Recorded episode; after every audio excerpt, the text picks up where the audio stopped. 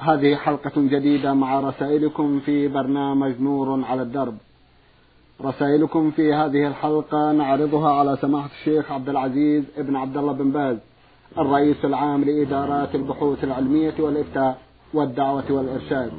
مع مطلع هذه الحلقة نرحب بسماحة الشيخ ونشكر له تفضله بإجابة السادة المستمعين فأهلا وسهلا بالشيخ عبد العزيز. حياكم الله وبارك حياكم الله. أولى رسائل هذه الحلقة رسالة وصلت إلى البرنامج من أحد الإخوة المستمعين يقول محمد أكرم حسين. أخونا ذيل رسالته بقوله آمل أن يجيب على هذا السؤال سماحة الشيخ عبد العزيز بن باز. بدأ رسالته على النحو التالي يقول بسم الله الرحمن الرحيم. سماحة الشيخ عبد العزيز بن باز حفظه الله. السلام عليكم ورحمة الله وبركاته وبعد. أنا شاب من الهند.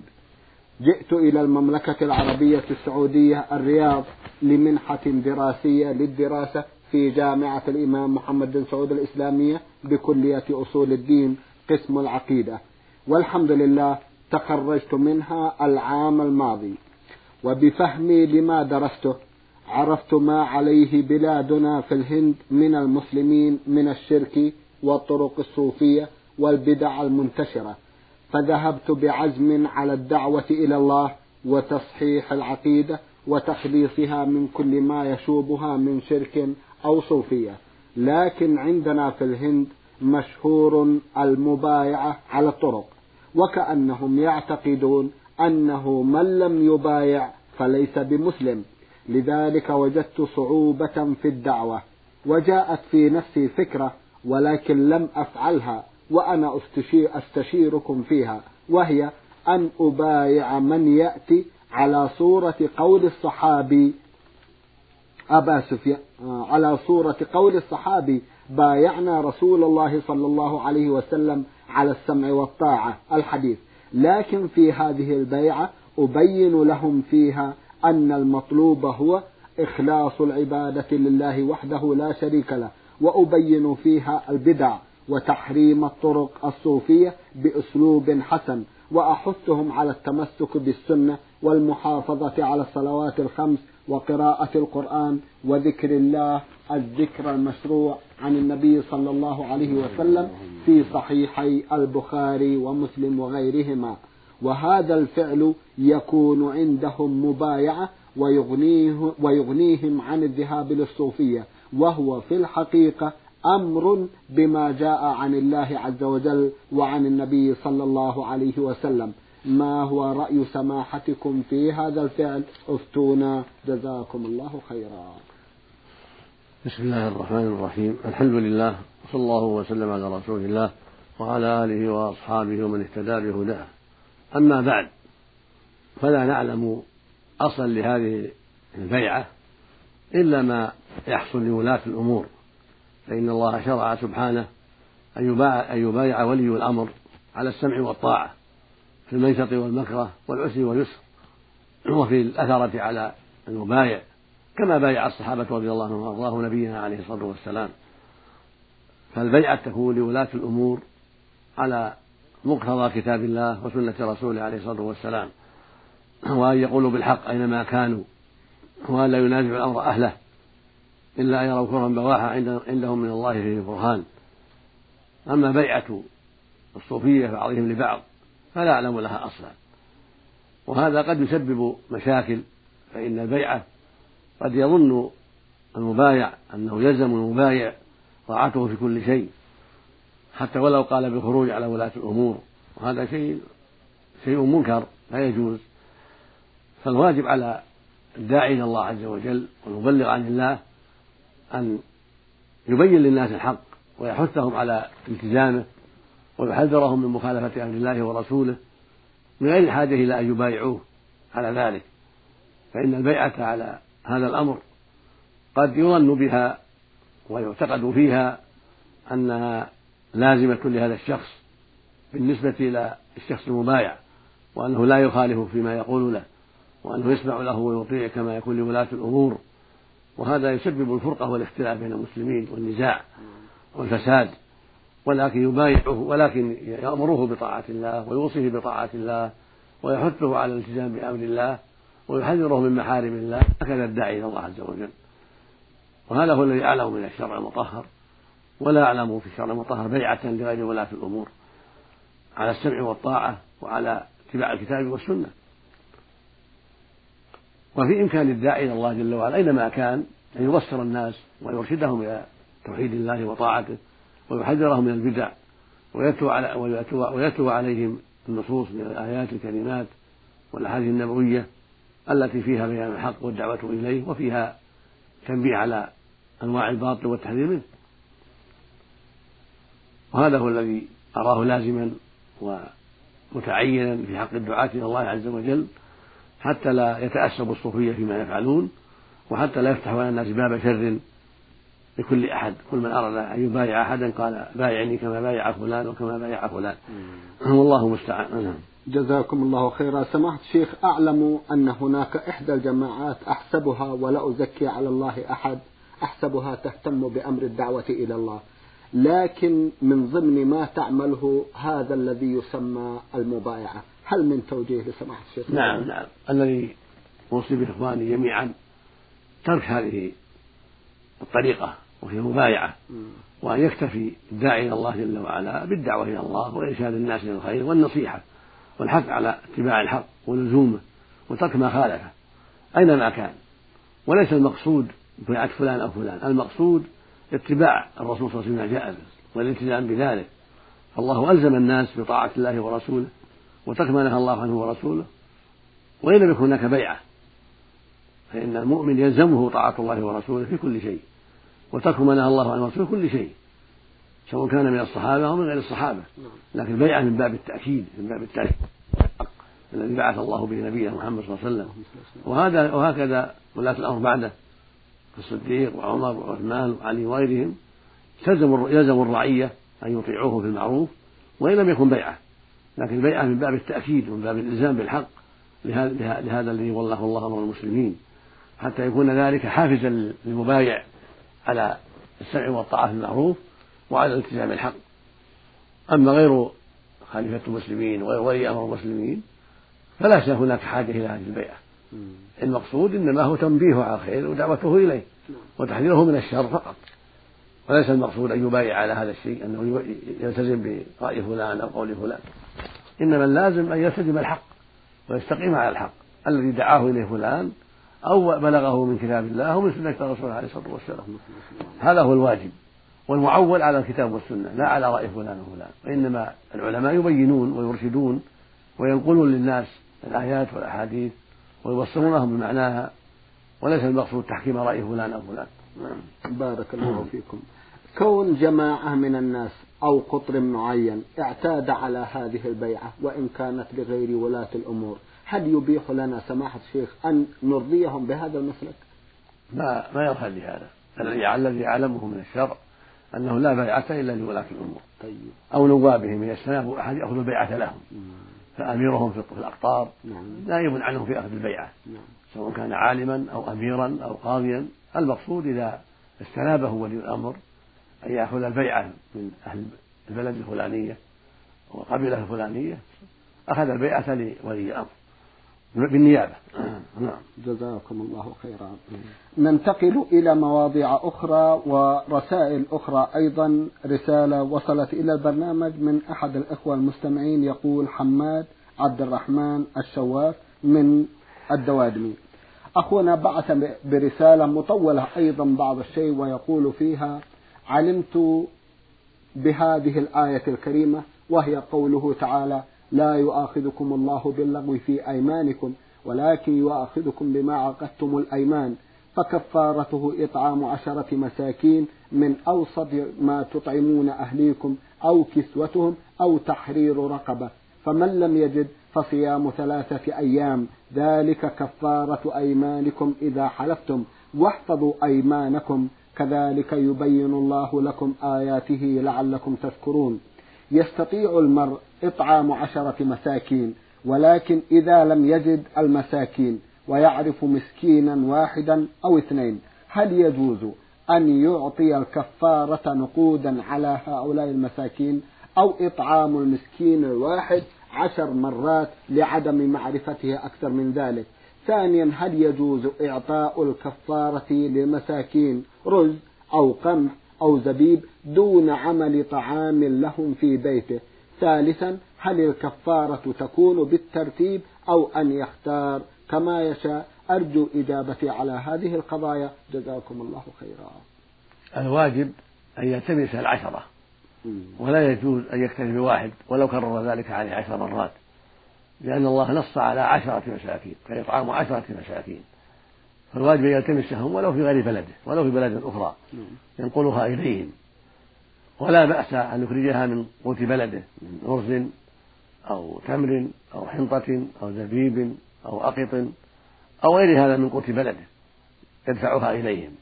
أو يطبخ ذلك ويدعوهم إلى ذلك. فيدعو إلى طعام ناضج مطبوخ في بيته. ولو كانوا متفرقين كان يدعو يوم الاثنين ويوم الاثنين ويوم الأربعة ويوم الاثنين لا بأس بذلك. إن جمعهم أو فرقهم. ولا يجوز إعطاءهم دراهم. بل إما طعام وإما كسوة وإما عتق. هكذا قال الله عز وجل. ولكن يؤخركم ما عقدتم الأيمان فكفارته إطعام عشرة مساكين. من أوسط ما تطعمون أهليكم. أو كسوتهم أو تحرير رقبة بالتخيير. مخير إن شاء أطعم وإن شاء كساء وإن شاء أعتق. ولا يجوز أن يدفع إليهم دراهم بل ليس له إلا هذه الثلاث إما إطعام وإما كسوة وإما عتق. فإن عجز عن عن الثلاث المذكورات انتقل إلى الصيام وهو صيام ثلاثة أيام كما بينه الله سبحانه وتعالى. نعم. جزاكم الله خيرا. يسأل أخونا سؤالا آخر ويقول رأيت في بعض المساجد أنه بعد أن يقرأ أحد القراء للقرآن بصوت عال يقول صدق الله العظيم. ثم الفاتحة أي يأمر الناس الموجودين في المسجد بقراءة الفاتحة. هل هذا من السنة؟ أم هو بدعة حسنة؟ أم هو بدعة سيئة؟ جزاكم الله عنا وعن المسلمين خيرا. ما يفعله بعض الناس إذا فرغ من قراءة القرآن في المسجد أو غيره قال صدق الله العظيم ليس له أصل بل هو من البدع ولا ينبغي اتخاذ ذلك ولا استعمال ذلك ولا ينبغي الاغترار بالناس في ذلك فهذا شيء لا أصل له. فلم يكن النبي صلى الله عليه وسلم بعد القراءة يقول ذلك ولا الصحابة يقولون ذلك وإنما هو شيء أحدثه الناس. فلا يجوز اعتياد ذلك. لكن لو فعله بعض الأحيان لداع دعا إلى ذلك أن يقرأ آية تعجبه أو يرى آثارها فيقول صدق الله العظيم لقد وجد هذا ولقد صار هذا من باب التعجب مما وقع مثل ما قد يقوله النبي صلى الله عليه وسلم في أو يقوله بعض الصحابة إذا رأى شيئا يوافق القرآن والسنة يقول صدق الله ورسوله فيما بين وفيما أوضح الله وفيما أوضح الرسول عليه الصلاة والسلام. فالمقصود أن اعتياد هذا الأمر بعد القراءة في الصلاة أو خارجها بدعة. وإذا كان مع هذا يقول اقرأوا الفاتحة كذلك بدعة أخرى فلا أصل لهذا ولا لهذا.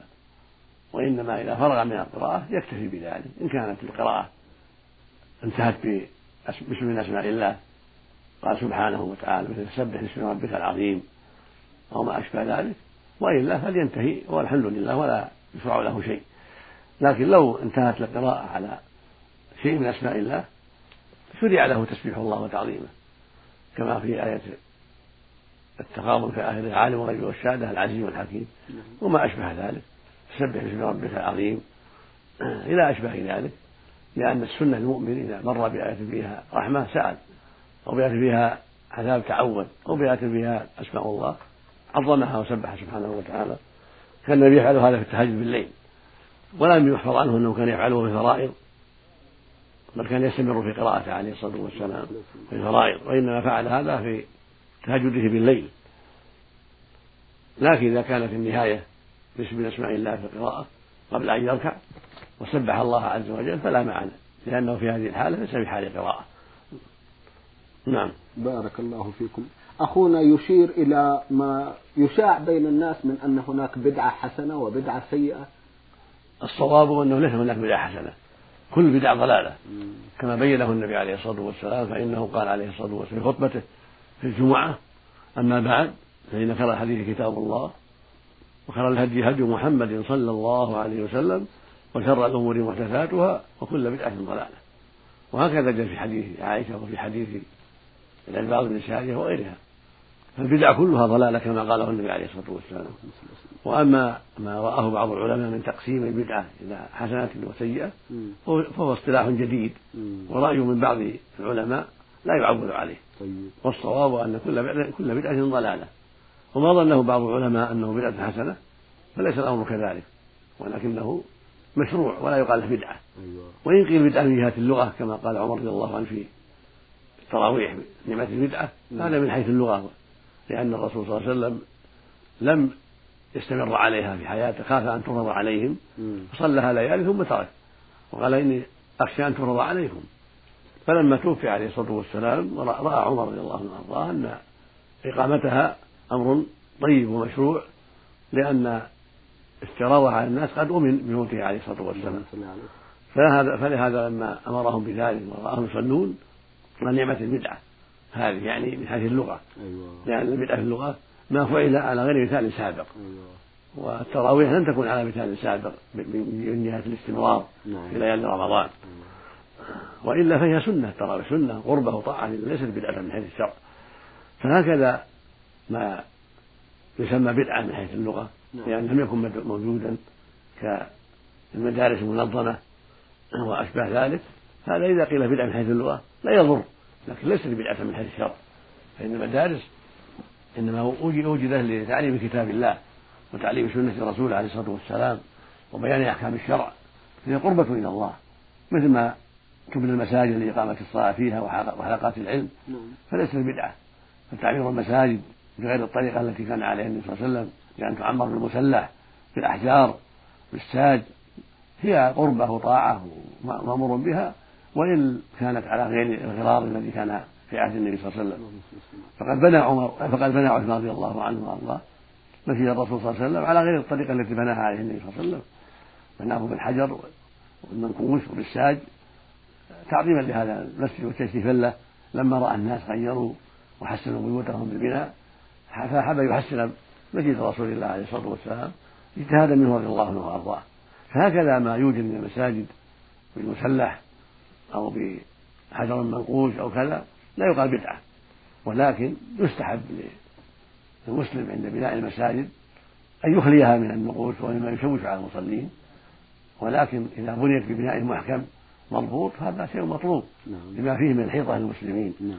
أما النقوش في المساجد من داخل المساجد هذا يكره لما فيه من التوشويش لما فيه ذلك من التشويش وإشغال المصلي نعم جزاكم الله خيرا ننتقل إلى رسالة وصلت إلى برنامج من إحدى الأخوات المستمعات من جمهورية مصر العربية تقول نون ميم عين. أختنا بدأت رسالتها بقولها بسم الله الرحمن الرحيم. إلى سماحة الشيخ عبد العزيز بن باز.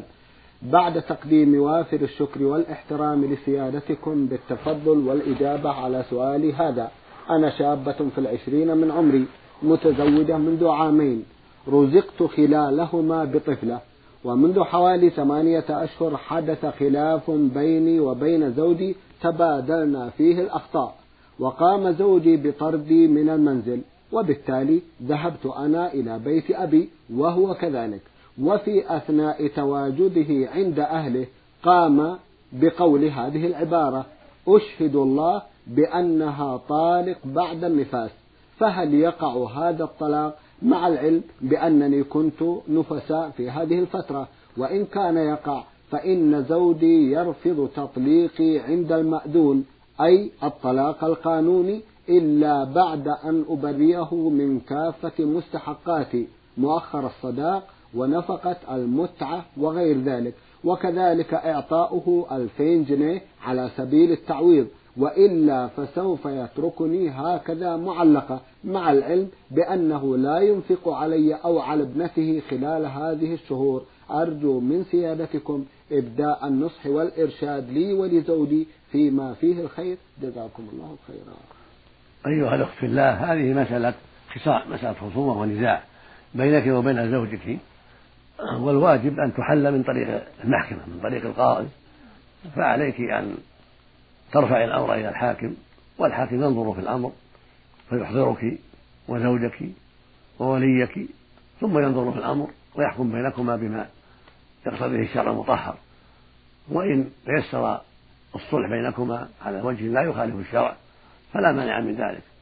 ولكن النظر في الطلاق ووقوعه وعدم وقوعه يكون للقاضي الشرعي للعالم الذي ينظر في قضيتكم وفيما يراه الحاكم الشرعي أو العالم البصير بدين الله فيه الكفاية إن شاء الله. فأنصح أن تحضري معه عند أحد العلماء المعروفين بالعلم والفضل والبصيرة في أمر الشرع حتى ينظر في أمركما وينصحكما ويصلح بينكما. أو عند الحاكم الشرعي وهو ينظر في الأمر. نسأل الله لك وله التوفيق. اللهم آمين.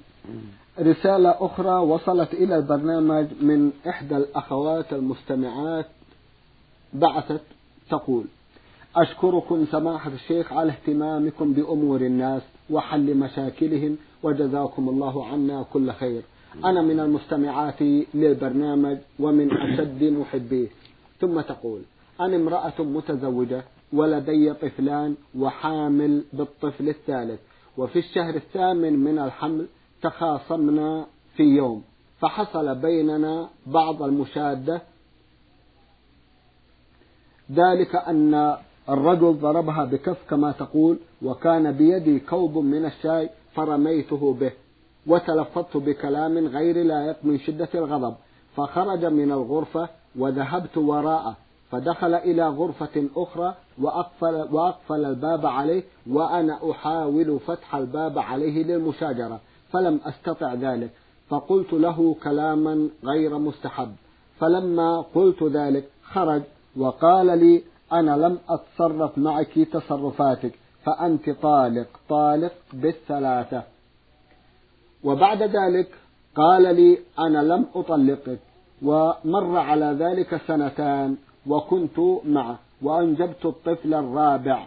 ولما ذهب إلى أحد العلماء ليسأله عن الحكم قال لا تعتبر طالق ولكن ذهبت طلقة واحدة. علما أنني أقيم في المملكة مع زوجي وأهلي بعيدين عني فلا أستطيع ترك البيت. أرجو من سماحتكم التوجيه والإرشاد. حول ما ذكر جزاكم الله خيرا. أين محلها؟ أختنا لم تحدد البلد الذي أرسلت. الواجب عليك أيها الأخت في الله أيها السائلة أن تحضري معه مع زوجك لدى الحاكم الشرعي في البلد التي أنت فيها. فإما أن يفتيكما وإما يكتب لي الموضوع وأنا أنظر في ذلك إن شاء الله. عليك أن تحضري مع الزوج ومع وليك عند الحاكم في البلد التي أنت فيها وهو إن شاء الله ينظر في الموضوع ويفتيكم في الواقع بما يرشده الله إليه. وإن رأى فضيلة القاضي الذي تحضرون عنده إرسال ذلك إليه بعدما يكتب كلامك وكلام زوجك وكلام وليك نظرت في الموضوع إن شاء الله وأعجبته. وفق الله. الجميع نعم. وإن كانت الأخت من داخل المملكة سماحة الشيخ هل تفضلون حضورها إليكم؟ هي تقول في المملكة. هي تقول في المملكة. نعم. في المملكة. عند قاضي أسهل عليهم. عند القاضي أسهل, أسهل عليهم. جزاكم فإما أن يفتيهم وإما أن يرسل المسألة إلي نعم جزاكم الله خيرا. رسالة وصلت إلى البرنامج من جيزان وباعثها أخونا عبد الغني محمد عبد السلام. أخونا عرضنا بعض أسئلته في حلقة مضت وفي هذه الحلقة يسأل عن تفسير قوله تعالى في سورة النور بعد أعوذ بالله من الشيطان الرجيم والقواعد من النساء اللاتي لا يرجون نكاحا فليس عليهن جناح أن يضعن ثيابهن غير متبرجات بزينة وأن يستعففن خير لهن والله سميع عليم. أرجو من سماحة الشيخ أن يتكرم بتفسير هذه الآية الكريمة. هذه الآية الكريمة يراد منها العجائز اللاتي قد انتهى انتهت رغبتهن في النكاح. فلا بأس أن يضعن ثيابهن ولا يتحجبن تحجب الشابات إذا كنا بهذه الصفة كما قال الله عز وجل والقواعد من النساء اللاتي لا يرجو فليس عليهن جناح أن يضعن ثيابهن غير متبرجات بزينة فهما شرطان كونه كونها من القواعد وكونها غير متبرجة بالزينة التي تدعو الرجال إلى الميل إليها والرغبة فيها. ثم بين سبحانه وتعالى أن استعفافهن وإن كن قواعد خير خير لهن وأبعد من الفتنة. وهذا يبين لنا أمورا منها أن الشابة ليس لها أن تضع ثوبها بل عليها أن تستتر وأن تحتجب كما قال الله عز وجل وإذا سألتموهن متاعا فاسألوهن من وراء حجاب. ذلكم أطهر لقلوبكم وقلوبهن تستر بدنها وشعرها ووجهها وأطرافها. وهكذا قوله سبحانه يا أيها النبي قل لأزواجك وبناتك ونساء المؤمنين يدنين عليهن من جلابيبهن ذلك أدنى يعرفن فلا يؤذين. والجلباب ما يطرح على المرأة بفوق رأسها تستر به بدنها علاوة على القميص الذي عليها. وهكذا قوله جل وعلا وقل للمؤمنات يغضن من أبصارهن ويحفظن فروجهن ولا يبدين زينتهن إلا ما ظهر منها وليضربن بخمرهن على جيوبهن ولا يبدين زينتهن إلا لبعولتهن أو آبائهن أو آباء بعولتهن. آية. فعليها أن تستر زينتها ولا تبدي زينتها إلا للمحارم كما بينه الله عز وجل. والوجه من أعظم الزينة والشعر من أعظم الزينة. تستر بدنها تستر شعرها ووجهها وأطرافها إلا عن محرمها وهو أخوها وعمها ونحوهما. أما العجوز التي لا تريد النكاح ولا تبرد بزينة فلا حرج أن تطرح الثوب والجلباب الذي عليها. فيبدو وجهها مثلا يبدو أطرافها أطراف يديها فلا بأس بذلك. وقال بعض أهل العلم حتى الشعر الذي هو شعر الرأس إذا كانت لا تشتهى وليست متزينة ولا في النكاح ولكن مثل ما قال الله عز وجل استعفافها خير لها. ولو كانت كبيرة في السن ولو كانت غير متزينة ولا متبرجة ولو كانت لا تريد النكاح فإن كل ساقطة لها لاقطة.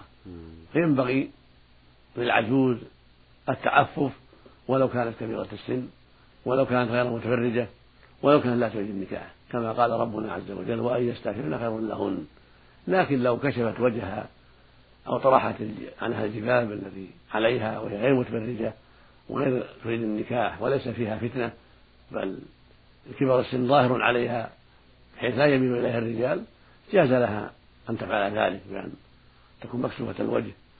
ليس عليها الجلباب الذي يفعله الشابات ولكن كونها تفعل الجلباب وكونها تستر وجهها وتستر نفسها هذا خير لها وأكبر وأعظم في حقها وأبعد عن الفتنة. جزاكم الله خيرا. يسأل أخونا أيضا ويقول هل, هل كتاب رياض السامعين وبستان الواعظين صحيح؟ ذلكم أني رأيت فيه كثيرا من الترهيب الشديد. لست أعرف الكتاب المذكور.